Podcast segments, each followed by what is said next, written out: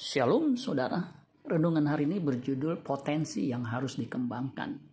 Yohanes 1 ayat 12 dan 13. Tetapi semua orang yang menerimanya diberinya kuasa supaya menjadi anak-anak Allah, yaitu mereka yang percaya dalam namanya.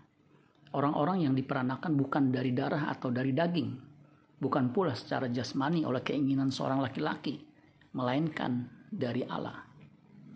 Pada tahun 1970 di California, seorang ibu keluar rumah bersama seorang anaknya, gadis usia 13 tahun, karena bertengkar dengan suaminya. Petugas dinas sosial menduga ia menganiaya anaknya itu karena anaknya terlihat kurus, tidak terawat, tubuhnya bungkuk, dekil, dan kotor, serta berbau. Ia selalu meludah, dan yang lebih mengejutkan adalah gadis ini tidak bisa berbicara setelah diselidiki, ternyata sejak lahir oleh ayahnya yang seorang psikopat, ia diikat di sebuah kursi dengan ketat dan tidak pernah diajak bicara. Ahli psikologi dan linguistik bernama Susan Curtis meneliti gadis ini selama tujuh tahun.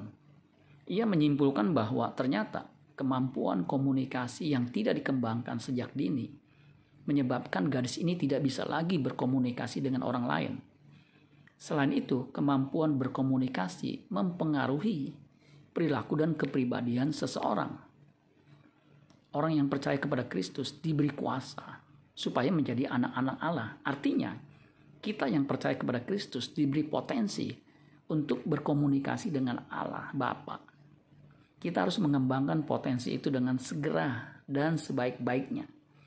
Hubungan kita dengan Bapa akan mempengaruhi perilaku dan kepribadian kita makin kita bergaul dengan Tuhan, maka kita akan makin segambar dan serupa dengan Dia. Amin buat firman Tuhan. Tuhan Yesus memberkati. Sola Gracia.